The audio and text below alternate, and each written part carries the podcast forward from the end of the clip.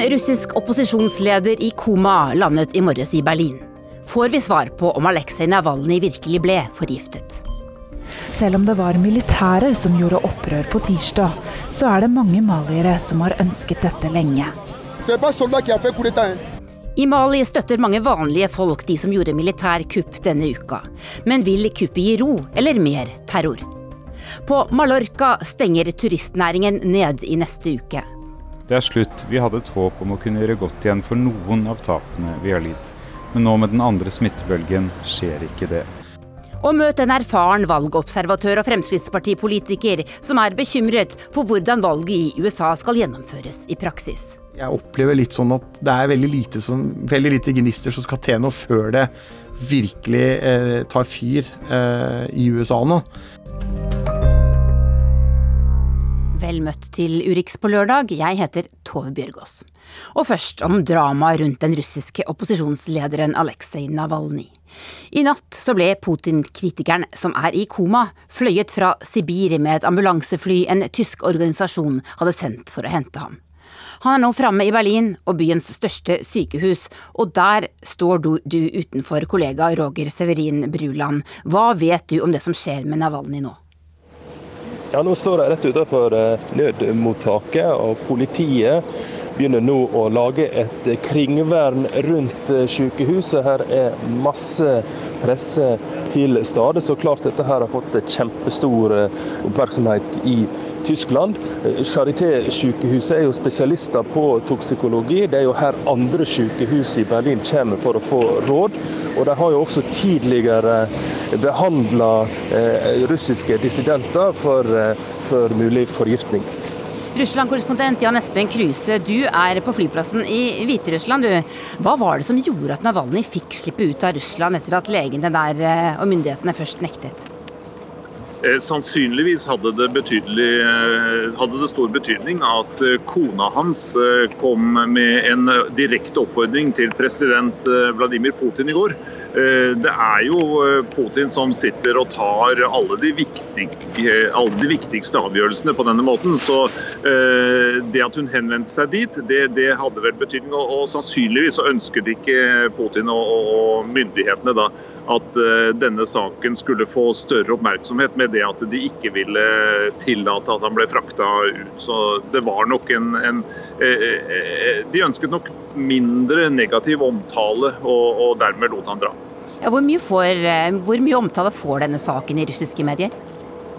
Eh, denne saken eh, ligger enten på topp på de russiske nettsidene eller eh, litt nedover. Men altså, mediene i Russland har fulgt dette ganske tett. Og det er jo spesielt fordi Navalny får jo normalt veldig liten oppmerksomhet i russiske store statlige medier.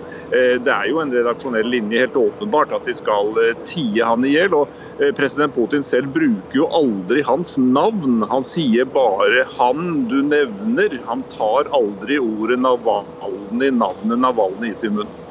Er det sannsynlig at Navalny virkelig ble forgiftet, tror du? Ja, Det er fryktelig vanskelig å si. Der kommer det jo altså så motstridende meldinger. Eh, legene på sykehuset sier at nei, det var ikke forgiftning. Og så er det snakk om et kjemisk stoff som han har hatt, eh, vært i kontakt med. Og så eh, sier hans eh, tilhengere at han tok jo ikke noe annet inn enn denne tekoppen på den morgenen han ble dårlig. Så de er helt overbevist om at det er en forgiftning. Så, så altså, det, det, endelige svaret her har vi ikke fått, men nå, nå kommer vi sannsynligvis nærmere da når han har kommet til Tyskland. Roger i Tyskland, Kino for fred heter menneskerettighetsorganisasjonen som har fått Navalny ut av Sibir. Eh, hva er det for slags organisasjon? Ja, Det er en litt underlig organisasjon som har veldig mange rike og berømte Hollywood-stjerner i eh, styret. Og de har tydeligvis spesialisert seg i å berge ut eh, dissidenter og hjelpe dem med forgiftning, som den saken med han eh, tidligere samboeren til, til en av medlemmene i, i kunstkollektivet Pussy Riot i, i 2018. Nå har de gjort det igjen. Men igjen, det er en kontroversiell organisasjon her i Berlin fordi de har en stor gallamiddag og prisutdeling samtidig med Berlin filmfestival. Så de er et sånn evig irritasjonsmoment for filmfestivalen her i Berlin, og blir beskyldt for å beite litt eh, i, i deres sitt, eh, sitt terreng. Ja, Det er jo litt eh, pikant hele dette opplegget her. Hva, hva sier tyske myndigheter om den situasjonen? Ja, altså Merkel har sagt at eh, selvfølgelig så er jo Navalny velkommen eh, for å få behandling her. Eh, og, og, hun har jo bedt om en redegjørelse fra russiske myndigheter om hva er det som egentlig har skjedd her. Men ellers så har det jo vært lite fra den kanten. Tusen takk skal dere to ha. Da følger vi denne saken videre utover dagen og håper vi får vite mer om hva som har skjedd med Aleksej Navalnyj.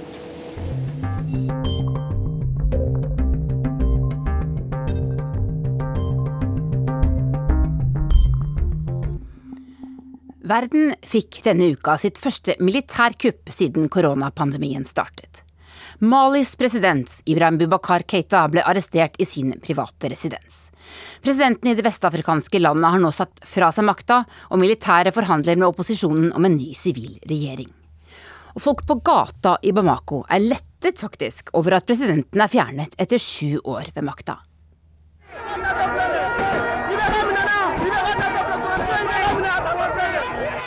En svart SUV glir gjennom folkemengden av menn som roper og strekker hendene i været. Noen hamrer på panseret og vinduene, mens bevæpnede soldater kledd i beige uniform og hjelm forsøker å holde dem unna bilen. Bak de sotede rutene sitter Malis president, som er arrestert. På gata i Malis hovedstad er det mange som er lettet. For selv om det var militæret som gjorde opprør på tirsdag, så er det mange maliere som har ønsket dette lenge. Det er ikke bare soldatene som gjorde dette. Folket har satt i gang militærkuppet, sier Sigibe Djenebo. Det maliske flagget henger rundt halsen hans som et skjerf i gult, grønt og rødt. Han er en av mange som har demonstrert og krevd presidentens avgang de siste månedene. Demonstrantene i Mali har vært misfornøyde med president Keita. De mener han ikke har gjort nok for å bekjempe jihadistgruppene, som stadig har fått mer kontroll nord i Mali. I tillegg mener mange at presidenten ikke har klart å få økonomien på rett kjøl, og at han ikke har slått hardt nok ned på korrupsjon. Ce qui a déclenché tout ça, mais c'est le chaos total. Le pays là, comme vous le voyez, rien ne va. C'était le chaos total. Madame Dicot står på gata i hovedstaden i hvit drakt og lillamønstret hodeplagg. Hun har trukket et munnbind ned på haka for å fortelle hva hun synes om situasjonen. Kvinnen sier at militærkuppet kom som følge av at det var fullt kaos i det vestafrikanske landet. Donc le peuple a crié, crié. On a demandé à l'ex-chef d'État Ibrahim Bouakar Keïta d'écouter son peuple. Il n'a pas voulu. Donc l'armée s'est assumée. Et puis c'est tout. Moi je vois pas le problème. Hun sier at folket ropte og ropte, men at presidenten aldri hørte frustrasjonene deres. Derfor tok militæret affære, og det synes hun er bra.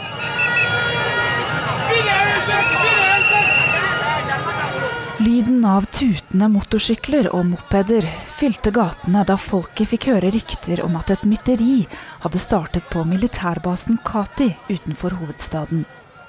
Med mobiltelefoner i hendene sto de klare for å ta bilde av soldatene når de kom for å arrestere presidenten. Opprørerne kaller seg Nasjonalkomiteen for folkets redning. Nous avons intervenu suite à la situation sociopolitique très tendue que le Mali vivait. I et rom fullt av militære ledere med munnbind fortalte presidenten for komiteen og oberst Asimi Goita hvorfor militæret gjorde opprør. Obersten sa at soldatene grep inn pga. den spente politiske situasjonen i Mali, og at militæret setter folket foran alt. Notre objectif, c'est de très vite, à travers les différents les différentes rencontres avec les différents groupes sociopolitiques, transférer rapidement le pouvoir à une transition civile. Lederen for opprørerne sa også at de ikke har noen ambisjon om å styre Mali politisk, men at de ønsker at landet skal få på plass en ny sivil regjering. Han sa ikke noe om når det vil skje. Mali har vært preget av uro i lang tid, og folket ønsker stabilitet. Derfor er det også dem som mener at landets president aldri burde vært arrestert.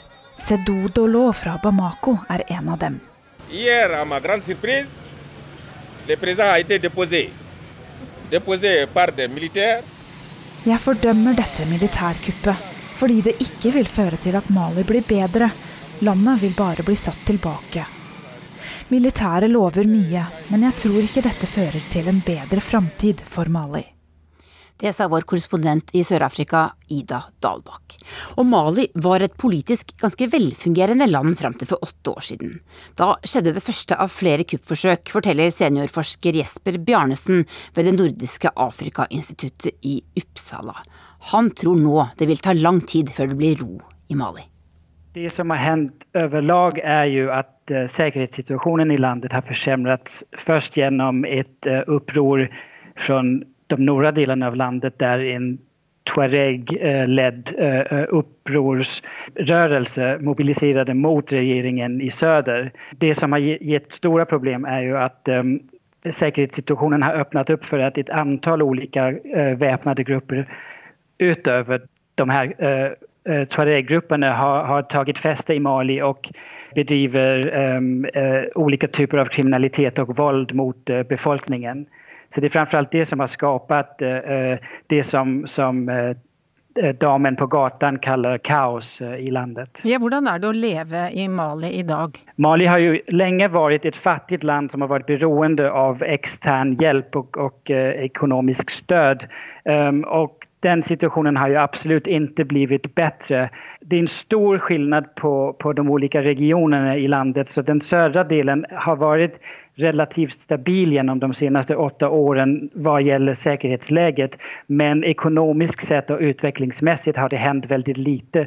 Og det er også det som ligger bakom folkets frustrasjon. At even i søder har man sett veldig lite forandring de seneste årene.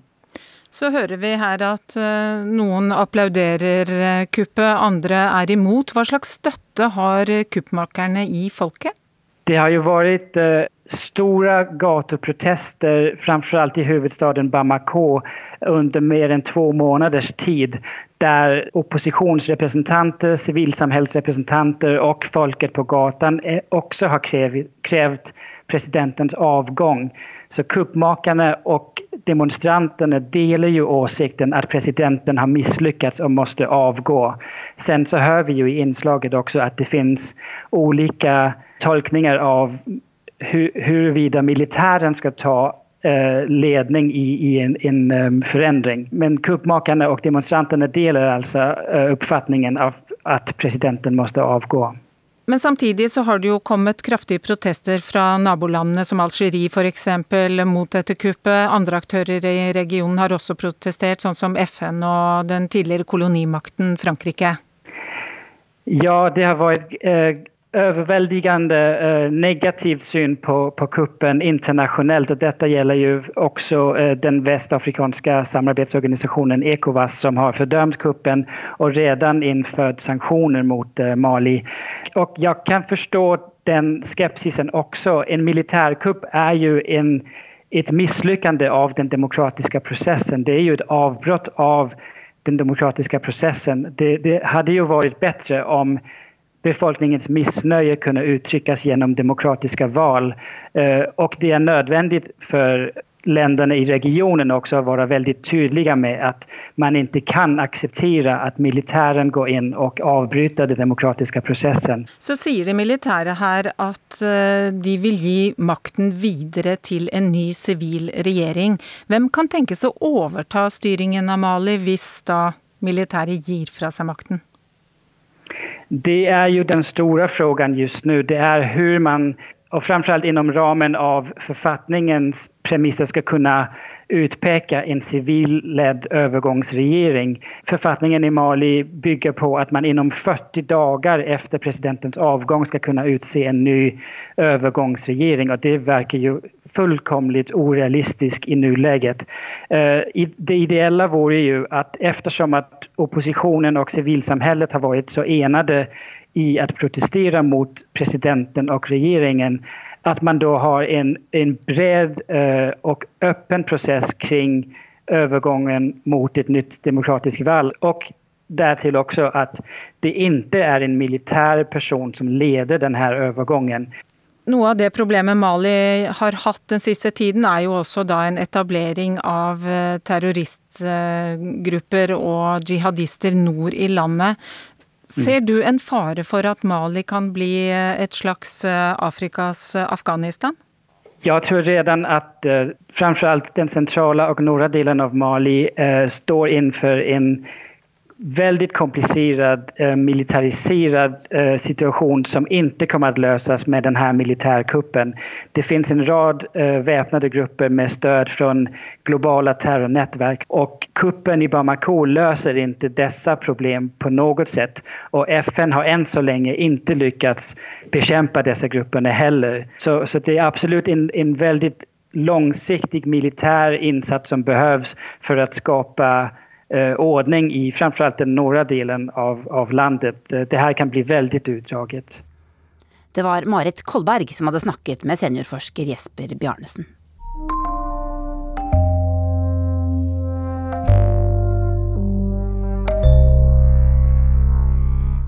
Vi kommer ikke unna pandemien i denne sendingen heller.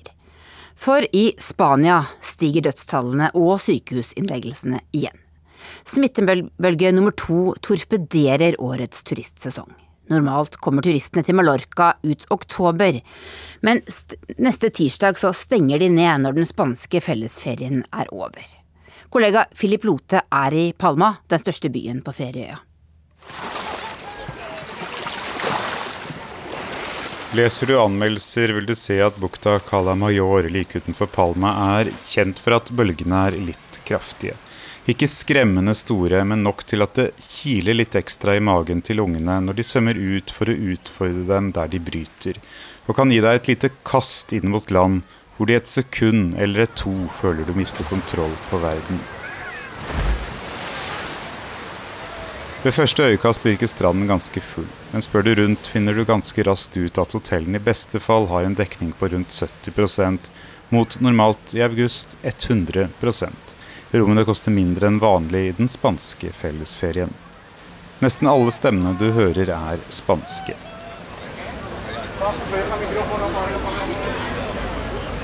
I sentrum av Palma er det ikke spesielt vanskelig å finne et bord ved baren hvor Carlos Reiches er daglig leder. Den spanske turistnæringen hadde allerede avskrevet første del av sesongen pga. utbruddet av koronaepidemien og nedstengingen av Spania. Nå skjønner de at også siste del av sesongen kan gå tapt i en bølge av en helt annen type enn de fra havet. Sí, efectivamente sí. Ha reducido mucho el turismo. Habíamos empezado a tener una ligera esperanza, pero con estas noticias Det er slutt. Vi hadde et håp om å kunne gjøre godt igjen for noen av tapene vi har lidd. Men nå med den andre smittebølgen skjer ikke det. Normalt er strendene og barene fulle. Nå er det mange barer som har halvert åpningstiden. Noen åpner ikke i det hele tatt. Carlos forteller at de har redusert bemanningen til 30% av det normale. Når den spanske ferien om kort tid rundes av, kan det eneste som blir stående igjen av årets sesong, være en litt mager august etter nær null besøk i juni og det meste av juli. Se nos han ido al de las esperanzas que teníamos. Solía venir el turismo extranjero, el nórdico y alemán. En septiembre, oktober I september og oktober har vi oftest gode besøk fra de nordiske landene og Tyskland. I år skjer ikke det, sier Carlos Reiches. Ja, Philip, du er med oss direkte nå. Det høres dystert ut dette her. Hva er smittesituasjonen i Spania nå også sammenlignet med andre europeiske land? Ja, Smittesituasjonen er den at myndighetene rett og slett sier at eh, de kan være i ferd med å miste kontrollen. De sier ikke nasjonalt, det er ikke et utbrudd på nasjonalt plan som vi ikke kan kontrollere, men at det er lokale utbrudd som eh, de nå sliter med eh, å få kontroll over. Og I Madrid i dag, hovedstaden, så har myndighetene anbefalt folk eh, i de hardest rammede bydelene må ikke å bevege seg ut og holde seg hjemme hvis de kan. Ikke et påbud, men en anbefaling. og Dette kommer etter at en dommer faktisk eh, nedla veto eh, mot en beslutning om at nattbarer måtte stenge klokken ett om natten, eh, og at det er forbudt å røyke på offentlig plass. Dette var tiltak myndighetene hadde lyst til å sette i gang, men som de da ikke har fått lov i. og Da har de bedt folk om å roe seg så mye ned som eh, eh, mulig. Men det er jo da, som ellers i Europa og for så vidt også i Norge, en smitte som sprer seg blant unge unge. Snittalderen i Spania nå er 37 år for menn, 39 eh, år for kvinner blant de smittede. Eh, og eh, helsedirektør Fernando Simon har sagt at han har direkte henvendt seg til influensere, altså bloggere, unge bloggere, og bedt dem ta ansvar. Få nå folk til å holde avstand, prøve å feste forsvarlig hvis man må feste. Og at de unge har et særlig ansvar for at nå smitten ikke sprer seg til eldre. Du er på vei hjem til Norge etter endt korrespondentopphold du nå i, nærmest, i, løpet av de nærmeste dagene. og De siste månedene så har du reist rundt i Europa og fulgt denne pandemien. Kan du helt kort oppsummere inntrykkene dine? Da epidemien begynte, så var det jo en engstelse som du kunne ta og føle på. og Så kom det en gradvis lettelse når, eh, etter hvert som man følte at smitten gikk tilbake, at man fikk kontroll over situasjonen. Og den kollektive dugnaden da, som så mange eh, europeiske land og folk i disse landene eh, deltok i, faktisk virket. Og når man har kommet tilbake igjen på sensommeren, så ser man en, en, en, slags ny frykt for at dette ikke har kommet under kontroll. Eh, eh, eh du ser myndighetene, altså regjeringssjefer og helsedirektører nærmest flakke med blikkene. Hva, hva, skal vi gjøre nå? Og folk eh, håper på konkrete tiltak som virker. Og folk er slitne, de ønsker ikke en total nedstengning. Eh, så jeg sitter med en følelse av at for å takle denne smittebølge nummer to, som vi skal huske på er foreløpig langt mindre dødelig, rammer yngre folk. Eh, eh, det er en usikkerhet knyttet til, eh, til denne bølgen her nå. Takk skal du ha, Philip. Ukas korrespondentbrev det handler også om pandemien og kommer fra Arnt Stefansen i Rio. Hvordan går det egentlig med alle de hjemløse i Brasil? Hun heter Ana Maria. Hun er 80 år, svart og bor på gata i sentrum av Rio de Janeiro. Jeg møter henne en sen kveld sammen med en gruppe frivillige som deler ut mat og drikke til de hjemløse. Gud velsigne dem for at de ikke glemmer oss, sier hun. De gjør en god jobb, og jeg takker dem av hjertet. Ana Maria kommer fra Bahia i Nordøst-Brasil og er etterkommer av slaver som ble brakt fra Afrika i kolonitiden. Hun har bodd på gata i rundt ti år, men vil ikke snakke om hvorfor hun havnet der. For noen går det slik. Man gjør feil, og man er uheldig. Og er man fattig og svart, er det kort vei ned i elendigheten, sier hun. Tallet på hjemløse har økt kraftig under koronapandemien, opplyser Rios myndigheter. Sosialetatens folk har leid hospitser og andre lokaler for å få dem bort fra gata, men de kan langt fra hjelpe alle. Det er her Brasil viser seg fra sin beste side. Folk som kunne ha tilbrakt kveldene i sine komfortable hjem, bruker heller tiden til å hjelpe dem som er aller nederst i koronaens Rio de Janeiro. En av de gode hjelpere er Roberto Martins, en 43 år gammel advokat som har laget sitt eget sosialprosjekt. Pengene tigger han fra folk med god økonomi. Maten lager han selv sammen med sin mor, og til utdelingen får han hjelp av venner med sosial samvittighet og godt hjertelag. Hvorfor gjør du dette, spør jeg, da vi sitter i bilen på vei inn til sentrum av Rio. Han svarer kort og enkelt. Det er den katolske grunntanken om å hjelpe sin neste. Det er jo det Kristus har lært oss. I bagasjerommet på bilen ligger det 40 porsjoner med nylaget suppe av abobora, en grønnsak som ligner på kålrabi. En delikatesse for enhver, og særlig for skrubbsultne uteliggere. En av dem gir suppen følgende karakter. Nota days, ti poeng. Et uttrykk alle brasilianere kjenner fordi det er høyeste poengsum i sambakonkurransen under Rios berømte karneval. Rio de Janeiro er et av de områdene i verden som er hardest rammet av koronapandemien. Med rundt 850 døde per én million innbyggere ligger delstaten Rio på høyde med Belgia. Og selv om de daglige tallene nå synker, så lever vi fortsatt i en unntakstilstand. Og i motsetning til Europa er det ikke slik at vi har hatt en første bølge og nå tar fatt på en ny. Her i Latin-Amerika pågår den første bølgen fortsatt. Den har nå vart i fem måneder, og folk er fryktelig slitne og frustrerte. Cariocaene, som Rios innbyggere kalles, er i alminnelighet velsignet med et lyst sinn. Og da pandemien startet, viste de en imponerende vilje til å møte utfordringene. Men nå virker de nærmest apatisk. Myndighetene har riktignok tillatt en gradvis gjenåpning av butikker, restauranter, gatehandel og transport. Men så lenge viruset er blant oss, ligger det en klam hånd over det hele. Folk holder seg mye hjemme, handler lite og går sjelden på restaurant. Man unngår rett og slett, så langt det er mulig, å komme i kontakt med andre mennesker. Forståelig nok. Men for Brasils økonomi og arbeidsplasser er det en katastrofe. Ifølge ekspertene vil landet oppleve en økonomisk tilbakegang på mer enn 6% i 2020.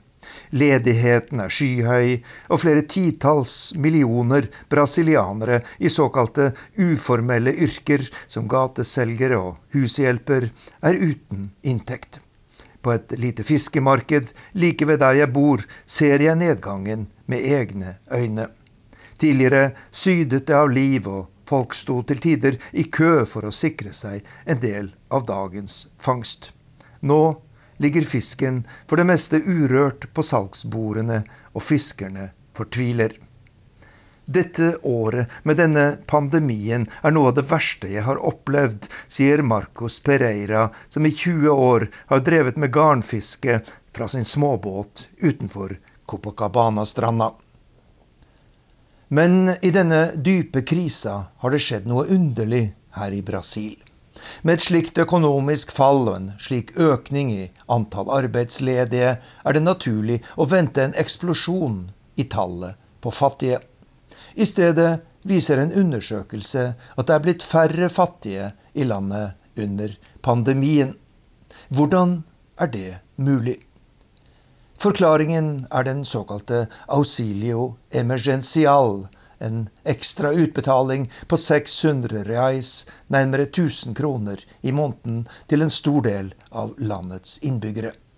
Mer enn 65 millioner brasilianere har mottatt denne nødhjelpen, og ifølge instituttet IBRE er tallet på ekstremt fattige i Brasil nå det laveste på 40 år.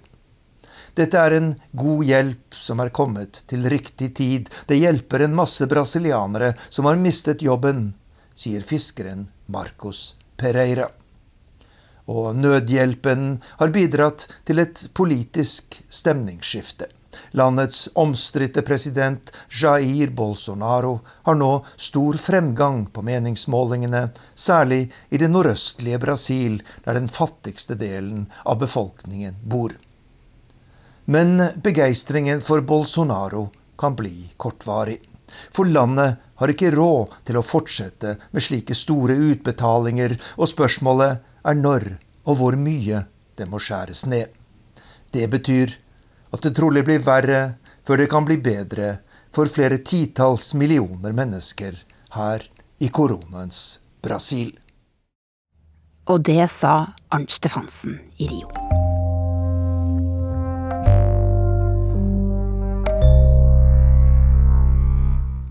Resten av denne sendingen skal handle om USA. Det blir et ekstremt spesielt presidentvalg rent praktisk, noe podkasten vår Krig og fred handler om denne uka. Men først. Natt til i går ble også et ekstremt spesielt landsmøte avsluttet i Det demokratiske partiet. Da holdt kandidat Joe Biden tale til en tom sal. En tale der han annet snakket om lys og mørke.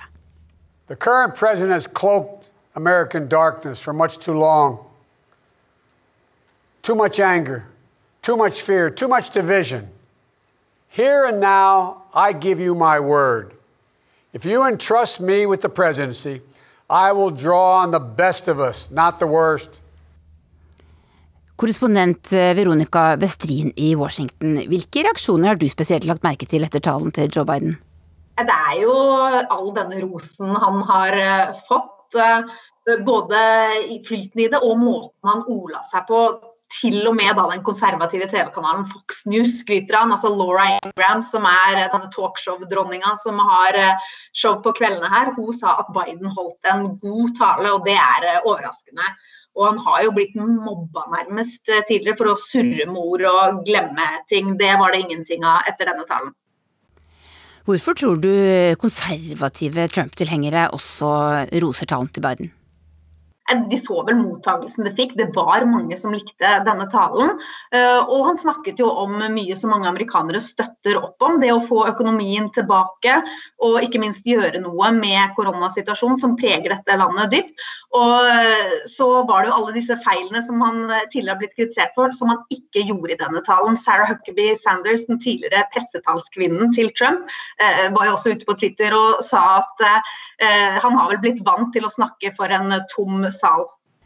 Dette landsmøtet til Demokratene ble jo nokså spesielt. Det foregikk altså på nett og ikke i en sal full av publikum, slik vi er vant til. Hvilke andre taler eh, får mest oppmerksomhet? Ja, det er jo talen til Michelle og Barack Obama som eh, peker seg ut som høydepunktene da, fra de fire kveldene som dette showet har pågått. Begge gikk jo langt i å kritisere den sittende presidenten, og det er jo ikke vanlig fra en tidligere førstedame som sier hun egentlig ikke liker politikk, eller en nylig avgått eh, president. Så det å høre så tydelige ord fra de to, det, det er noe man husker. Veronica, du kom tilbake til Washington for en uke siden etter et langt koronaopphold i eh, Norge. Hvordan er stemningen i den amerikanske hovedstaden nå? Ja, og det er eh, rart å komme tilbake. Her er ting helt annerledes enn i Norge.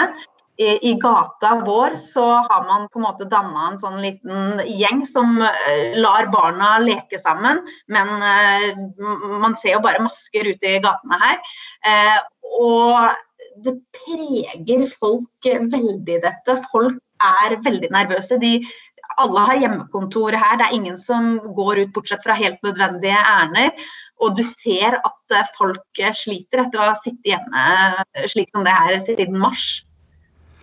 Ikke, tusen takk skal du ha, Veronica. Ikke siden 1918 har USA gjennomført et valg midt i en pandemi. Og hvordan skal det i det hele tatt gjennomføres i praksis? Det handler podkasten vår Krig og fred om denne uka. So much at stake. Nå er det bare noen uker til amerikanerne skal bestemme om det blir Donald Trump eller Joe Biden. Men hvordan skal de gjøre det? Tør de å stå i lange køer for å stemme midt i koronaen? Kan de levere stemmen sin i ei urne ute på gata? Eller skal de sende den i posten? Vi sending out hundreds of millions of universal mail-in ballots. Hundreds of millions. Det er mye som er usikkert før valget. Også om posten kommer fram i tide. Krig og fred er tilbake. Med Tore Moland. Og Tove Bjørgaas.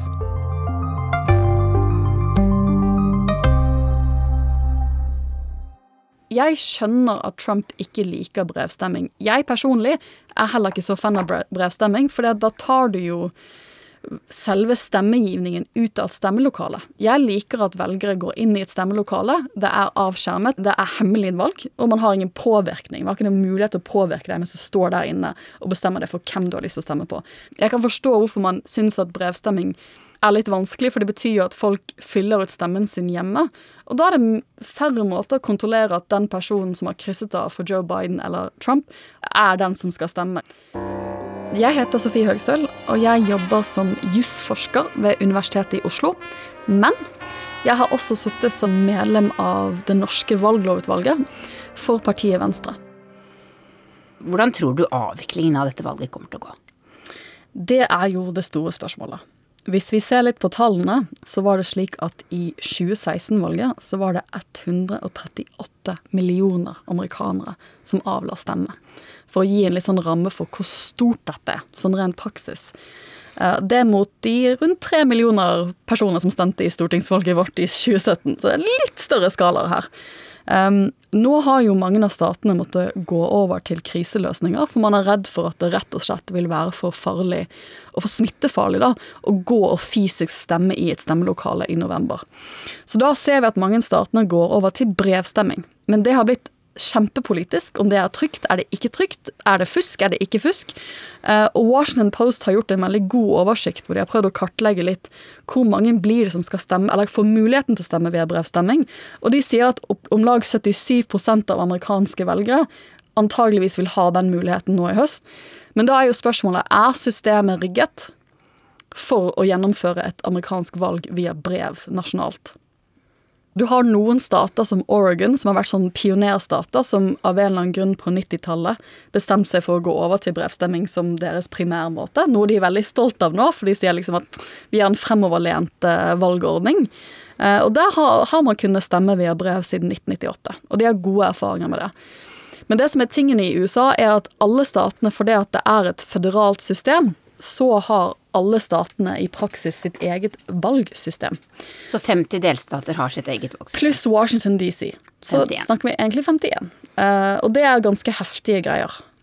Men for å ta det liksom veldig ned på det praktiske her. Altså i noen delstater så kan alle forhåndsstemme i posten. Mm. I andre delstater så må de søke om å få lov til å gjøre dette.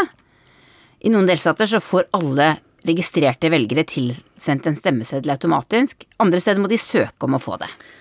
Ja, så det er komplekst. Du har som sagt stater som Oregon og Arizona hvor hele valget uansett hadde foregått via brevstemming. Og så har du en del andre typer stater hvor man kan søke om å få lov til å brevstemme. Og så har man en tredje type stat hvor man har en eller annen sånn særskilt grunn der man, man må ha lov til å stemme, så man må søke på bakgrunn av forskjellige typer grunner. da, Enten f.eks. jeg kan ikke se. Altså jeg, jeg, har hørselsskader eller synsskader som gjør at det er, det er, fysisk vanskelig for meg å komme til valglokalet. Det ser man er ganske normalt i de fleste stater. Og en del av statene som vanligvis ikke gjør så mye brevstemming, har i lys av koronakrisen sagt OK, alle som søker, får lov til å brevstemme. Du trenger bare si at det er pga. korona. Men en del andre stater igjen har, valgt, har ikke lyst til å åpne opp så mye for brevstemming. Og et, et eksempel på det er Indiana. Og jeg fant, jeg gikk liksom gjennom valgreglene til Indiana og liksom, Hva er grunner til at du får lov til å brevstemme? Jo, en av grunnene er, er, at du er over 65 år gammel. Da har du et grunnlag for å få lov til å brevstemme. Og så er det litt mer sånne obskure grunner, da. Uh, som f.eks. at du har måttet registrere deg som en serious sex offender. Som betyr at okay. du, har begått et seksuallovbrudd, som betyr at du ikke kanskje har lov til å være nærme barn. la oss si. Og det er jo ofte sånn at valglokaler er nærme barneskoler, om ikke på en barneskole. Og da får du tydeligvis også lov til å brevstemme. Da har du et grunnlag for brevstemme. Så hvis du er dømt for et seksuelt overgrep, så kan du få brevstemme? Ja. Men eh, vil du bare brevstemme fordi at du er redd for koronakrisen, så er ikke, å bli smittet av korona, så er ikke det god nok grunn. Dette høres eh, veldig mye ut, Sofie, men det er enda mer. We are the United States Postal Service. We are the United States Postal Service. For hvis 77% av velgerne skal stemme per post, så er det også mange som er usikre på om det amerikanske postvesenet er klare for den oppgaven de da vil få. Ja, når staten har lagt opp til at det skal være brevstemming som blir løsningen på hvordan å gjøre stemming mindre smittefarlig i koronakrisen, så fordrer det jo også at man har en fungerende postvesen som kan transportere stemmene til velgeren når de skal få stemmeseddelen, men også ikke minst når den er ferdigutfylt tilbake til de som skal telle opp etter uh, at velgeren har puttet det i en, en, i en, uh, i en postkasse. Og det postvesenet er det mye stridigheter om mm. akkurat nå. Hva, hvilken rolle får uh, det amerikanske postvesenet ved dette valget? Altså, noen har sagt at, at plutselig, plutselig, har man havnet i den stasjonen da, at lederen for det føderale postvesenet har blitt kanskje den viktigste valgoffiseren i USA. I vår fikk det amerikanske postvesenet ny sjef, utnevnt av president Trump. Postsjefen skal få slutt på de voldsomme underskuddene der, men det kan også forsinke postgangen. Nå er nedskjæringsprosessen satt på pause til etter valget, men mange er fortsatt bekymra. We've got to vote early, in person if we can. We've got to request our mail-in ballots right now, tonight, and send them back immediately and follow up to make sure they're received. Be om en stemmeseddel i dag. Send den inn med en gang, sa Michelle Obama da hun talte til Demokratenes landsmøte. Hun frykter at folks forhåndsstemmer rett og slett skal bli sittende fast i posten hvis nesten 20 ganger flere enn i 2016 nå skal stemme på den måten. Jeg har vært rundt i mange andre steder og, og observert valg, og egentlig aldri opplevd en sånn Eh, aggressivitet eh, som jeg gjorde på, på, på spesielt av det ene valget. du Men, men, dette kan jo liksom være en litt forsmak på hvordan dette valget kan bli, med bakgrunn i, i, i hvor høyt konfliktnivået er i amerikansk politikk nå. Jeg heter Bård Hoksrud, stortingsrepresentant for Fremskrittspartiet og Telemark. Sitter i OSSE-delegasjonen. Det betyr at jeg får lov å reise rundt på valgobservasjoner rundt omkring. Jeg har vært i Ukraina, jeg har vært i Moldova, jeg har vært i Tyrkia. Så jeg har vært på en 30-40 forskjellige valgobservasjoner. Og har også vært valgobservatør i, i USA sist valg. Men nå må du fortelle litt. Du har rett og slett vært valgobservatør i USA. Ja, jeg var eh, Sist valg når Donald Trump ble valgt, så var jeg valgobservatør. Jeg var i Philadelphia. Eh, det betyr at man kommer tett på, man er ute i valglokalene.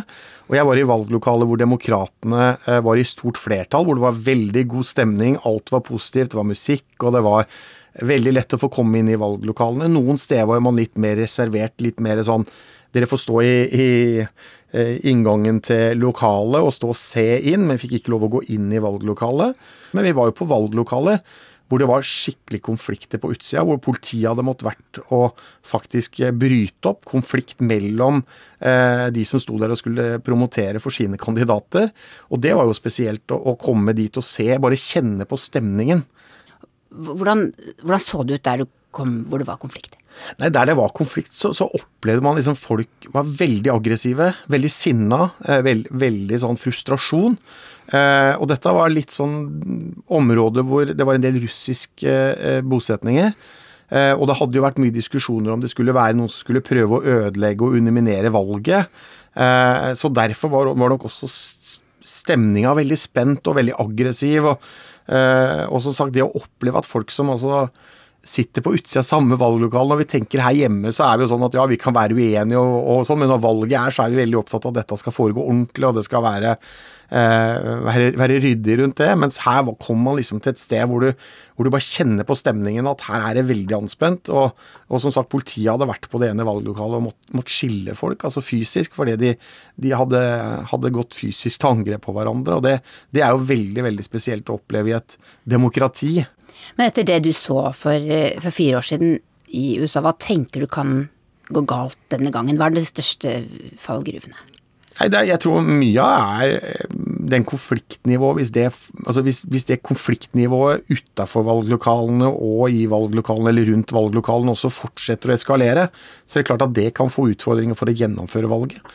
Um, vil folk komme faktisk og stemme? Vil det være frykt for at det kan skje ting på utsida av valglokalene osv.? Men jeg, jeg regner jo med at amerikanske myndigheter også kommer til å være bevisst og opptatt av dette. men men som sagt, det var ganske sterk eh, konflikt for fire år siden, og man har liksom bare sett at dette har eskalert eh, veldig nå de siste månedene. Og Derfor så er min bekymring på hvor, hvor, godt man klarer å gjøre dette. og Nå ser vi jo dette med postvesen og, og poststemming osv. som som, som, jo uh, betyr kanskje at mange stemmer ikke blir, uh, blir telt med hvis de kommer for seint inn osv. Så, videre. så det er, uh, det er utfordrende, men, men jeg, jeg, håper jo virkelig at det kan bli bra. Fordi det er så viktig at, at valg blir gjennomført på en, på en, ordentlig, skikkelig måte. At man, man får valgt å kåre den, den som reelt sett er den som skal kåres. Du sitter i transportkomiteen på Stortinget. Transport- og kommunikasjonskomiteen heter det. Ja, det stemmer. Dere har også ansvar for Posten i Norge, ikke sant? Ja. Det er også en konflikt nå eh, som handler om postvesenet, postverket i, i USA, og hvilken rolle de skal spille i dette valget.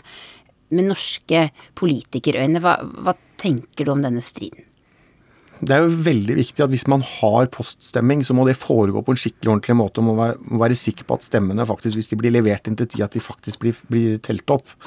Eh, så det er jo bekymringsfullt å se nå den, den, konflikten som er der nå, og se den usikkerheten rundt eh, hvorvidt poststemmene kommer til å bli, eh, bli telt opp og bli, få, få sånn som det skal være. Og det er vi jo veldig opptatt av her hjemme, i hvert fall.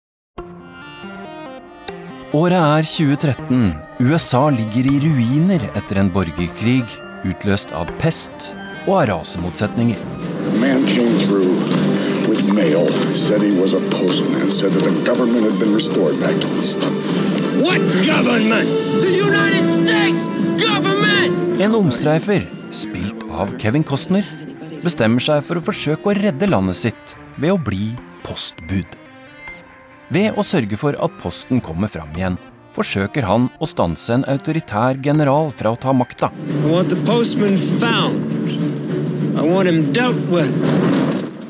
Filmen 'Postmannen' fikk slakt fra kritikerne da den kom i 1997. De mente historien var totalt urealistisk. For så viktig er da vel ikke postvesenet i USA at det kan redde det amerikanske demokratiet?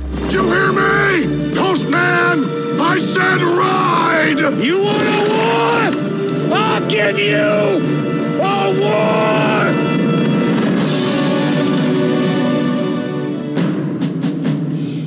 Har du sett uh, filmen eh, 'Postmannen' med Kevin Costner fra 1997? Nei, men jeg har hørt om den.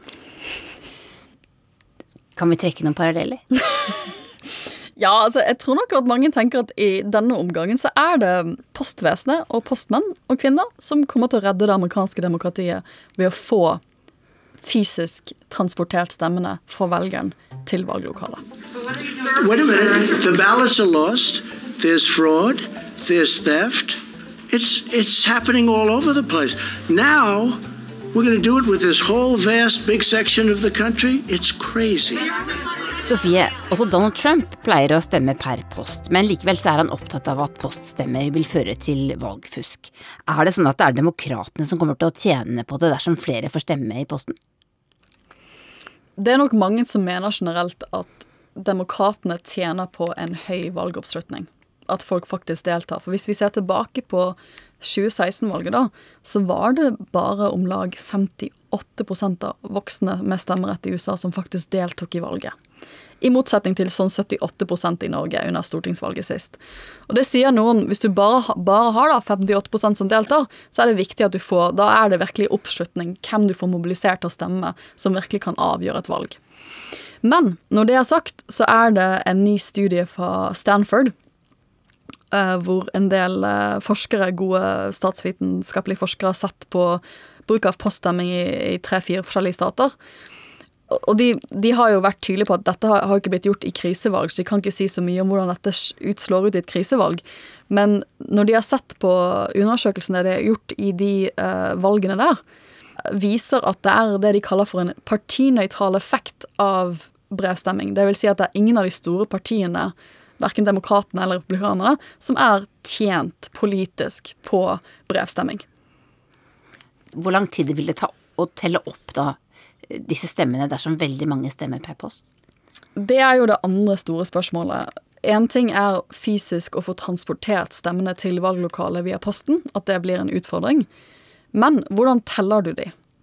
Eh, og det, jeg tenker særlig for stater som ikke har så mye erfaring med brevstemmer, så kan det jo tenke seg at det kommer til å ta litt Hvis du er vant til å skanne altså, elektroniske eh, baserte stemmesedler, hvor liksom folk har gått inn og trykket på en elektronisk stemmemaskin, og så kommer det ut en liten lapp med en skanningskode, så er du kanskje ikke vant til å ha sofistikert opptelling. For det er ikke sånn du gjør det lenger i staten din. Men hvis du da plutselig får en hel haug med poststemmer, så er jo det fysisk, manuell, langsom opptelling som gjør seg gjeldende. Hver eneste stemme må telles? Hver eneste stemme må telles. Antageligvis, med mindre man har skanningsmaskiner spesiallagd for det. Og nå er man jo inne i det praktiske. Det er ikke så mange dager til valget. Det å legge om å få inn sånne bedre løsninger på kort varsel, varsel det kan være ganske vanskelig. Så da må man kanskje i en del stater, hvis man har lyst til å få valgresultatet på kvelden, ansette en hel haug med folk som man må trene opp til å telle, og så må man liksom sikre hele prosessen. Og det vi har sett i sommer, det er jo at det har vært primærvalg rundt omkring eh, viktige primærvalg som avgjør hvem som skal stille som kandidater til Kongressen, bl.a. Og da har man jo plutselig vært i situasjoner hvor man ikke har hatt et eh, tydelig valgresultat på flere uker. Og det har vært lange køer mange steder. Og det har vært lange køer, og det er da enkeltstater som har hatt valg. Vi kan gange det med 50 på valgkvelden. Så jeg tror at de fleste begynner å bli ganske innstilt nå. Også Trump han sier det ganske ofte. At det blir ikke et valgresultat sånn som man pleier å ha det på kvelden sånn som ting legger an nå. Hvilke konsekvenser kan det få? Det er et godt spørsmål. Jeg tenker at Hvis man er vant til å få et tydelig valgresultat på kvelden, så vil det jo plutselig så tvil om hva er det som skjer. Hvorfor får vi ikke beskjed om hva valgresultatet er? Bård, hvis det blir sånn som mange tror nå, at mange velgere i USA ikke kan møte opp, men kommer til å stemme i posten eller forhåndsstemme, så kan det jo ta ganske lang tid å telle opp disse stemmene. Hva tenker du om det? Nei, det, det, kan ta veldig lang tid. Og det er jo selvfølgelig en utfordring, det. For det betyr at det tar lang tid før man egentlig får klarhet i hvordan, uh, hvordan resultatet faktisk blei. Uh, og vi har jo opplevd det før i USA, altså, hvor man har virkelig må ta omtelling og omtelling. Uh, men det er jo ikke noe bra. Det beste vil jo være å få et raskt resultat, så man vet hva blei resultatet her. Ehm, så jeg håper jo at man klarer å gjennomføre på en ordentlig måte som gjør at det går raskt, og at man får, får resultatet, og at alle stemmer som er innlevert, faktisk blir, blir telt opp. Det er jo litt sånn generelt, i hvert fall fra en, en valgobservatør, er jo at man ønsker at valget skal foregå mest mulig korrekt, og at man får opptelling, og at alt foregår etter det lovverket og de reglene som er i de forskjellige, forskjellige landa som vi besøker, eller statene i USA. da. Skal du tilbake dit og være valgobservatør i november? Jeg sitter ikke i OSSE akkurat nå, men jeg skulle utrolig gjerne ha, ha vært valgobservatør nå for å, for å, følge dette valget. Også fordi jeg tror det hadde vært viktig å ha valgobservatører ute nå. Er det men, mulig å gjennomføre med reiserestriksjonene? Det er, det er, det jeg også er litt usikker på, hvorvidt man faktisk får lov å reise. I hvert fall fra Norge vil jeg tippe at det vil være ganske strengt å få lov å reise, men også fra andre land. For det er jo en stor risiko nå med, med så stor smittespredning det er i USA. Uh, og Det er jo også skummelt når man skal gjennomføre et valg, at man altså ikke, får lov å ha ikke kan ha nok observatører til å følge at valget foregår sånn som det skal. Etter det du så sist, uh, og det som har skjedd nå med, med, med pandemien, er du redd for liksom opptøyer og bråk? Ja, hvis du hadde spurt meg for tre-fire måneder siden, så ville jeg tippe at liksom det ikke kunne skje. Uh, men det er klart at Black Lives Matter gjorde jo noe, og har jo vist at det er noe der ute. Eh, og det er klart, eh, hvis det blir mye uregelmessigheter som blir oppdaga, og, og, folk opplever at her er det vært mye uregelmessigheter, så vil jo det fort kunne skje. For det, jeg opplever litt sånn at det er veldig lite, som, veldig lite gnister som skal til noe før det virkelig eh, tar fyr eh, i USA nå. For det er, konfliktene er veldig sterke, og motsetningene er veldig sterke. Men jeg håper jo at det klarer å foregå på en ordentlig måte, så man unngår det. For det, det vil jo være veldig trist for et så stort demokrati, og hvor viktig demokratiet uh, er. Jeg må spørre deg om én ting til. Uh, vi har fått uh, en melding fra en ung jente som lurte på en ting om, om amerikansk valgkamp. Og hun lurer på det. Det er altså sånn i USA, og det var det kanskje også utenfor det valglokalet der du satt, at folk sitter der med capser og T-skjorter og plakater, og det er så mye sånn merch i amerikansk valgkamp. Ja. Eh, hvorfor har vi ikke så mye merch i, i norsk valgkamp? Nei, altså, det er jo Før var det jo ikke lov. Men, men nå er Nei, altså For en del år tilbake så var det ikke lov å stå på utsida av valglokalen og, og, agitere. Men det er jo blitt lov nå. Det, det skjer jo litt her i Oslo. Men, men, jeg opplever i hvert fall der jeg kommer fra, så er det liksom sånn agreement mellom alle partiene at når, når lørdagen er ferdig, partilederdebatten er ferdig, da er vi liksom litt ferdig med det. Da må det være opp til velgerne og for de gå og gjøre sitt valg. Eh, og Derfor har vi valgt liksom at der er det ingenting. Da har vi ikke på oss eh, klær eller, eller noen ting. man kan selvfølgelig ha jakke og sånt, og det, det hender jo man har, men, men, vi agiterer ikke og har ikke med brosjyrer og den type ting.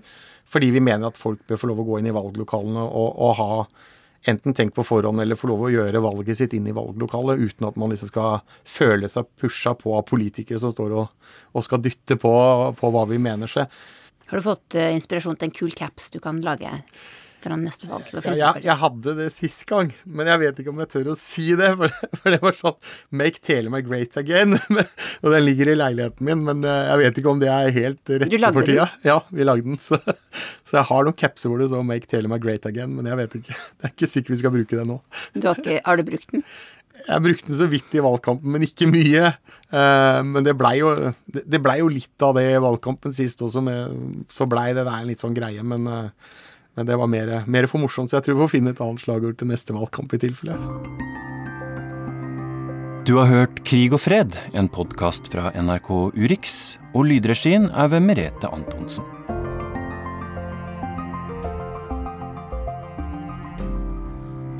Og det betyr at Urix på lørdag er slutt for denne gang. Vi ønsker deg en superhelg, vi som laget dette programmet. I kontrollrommet satt Stein Nybakk og Tonje Grimstad.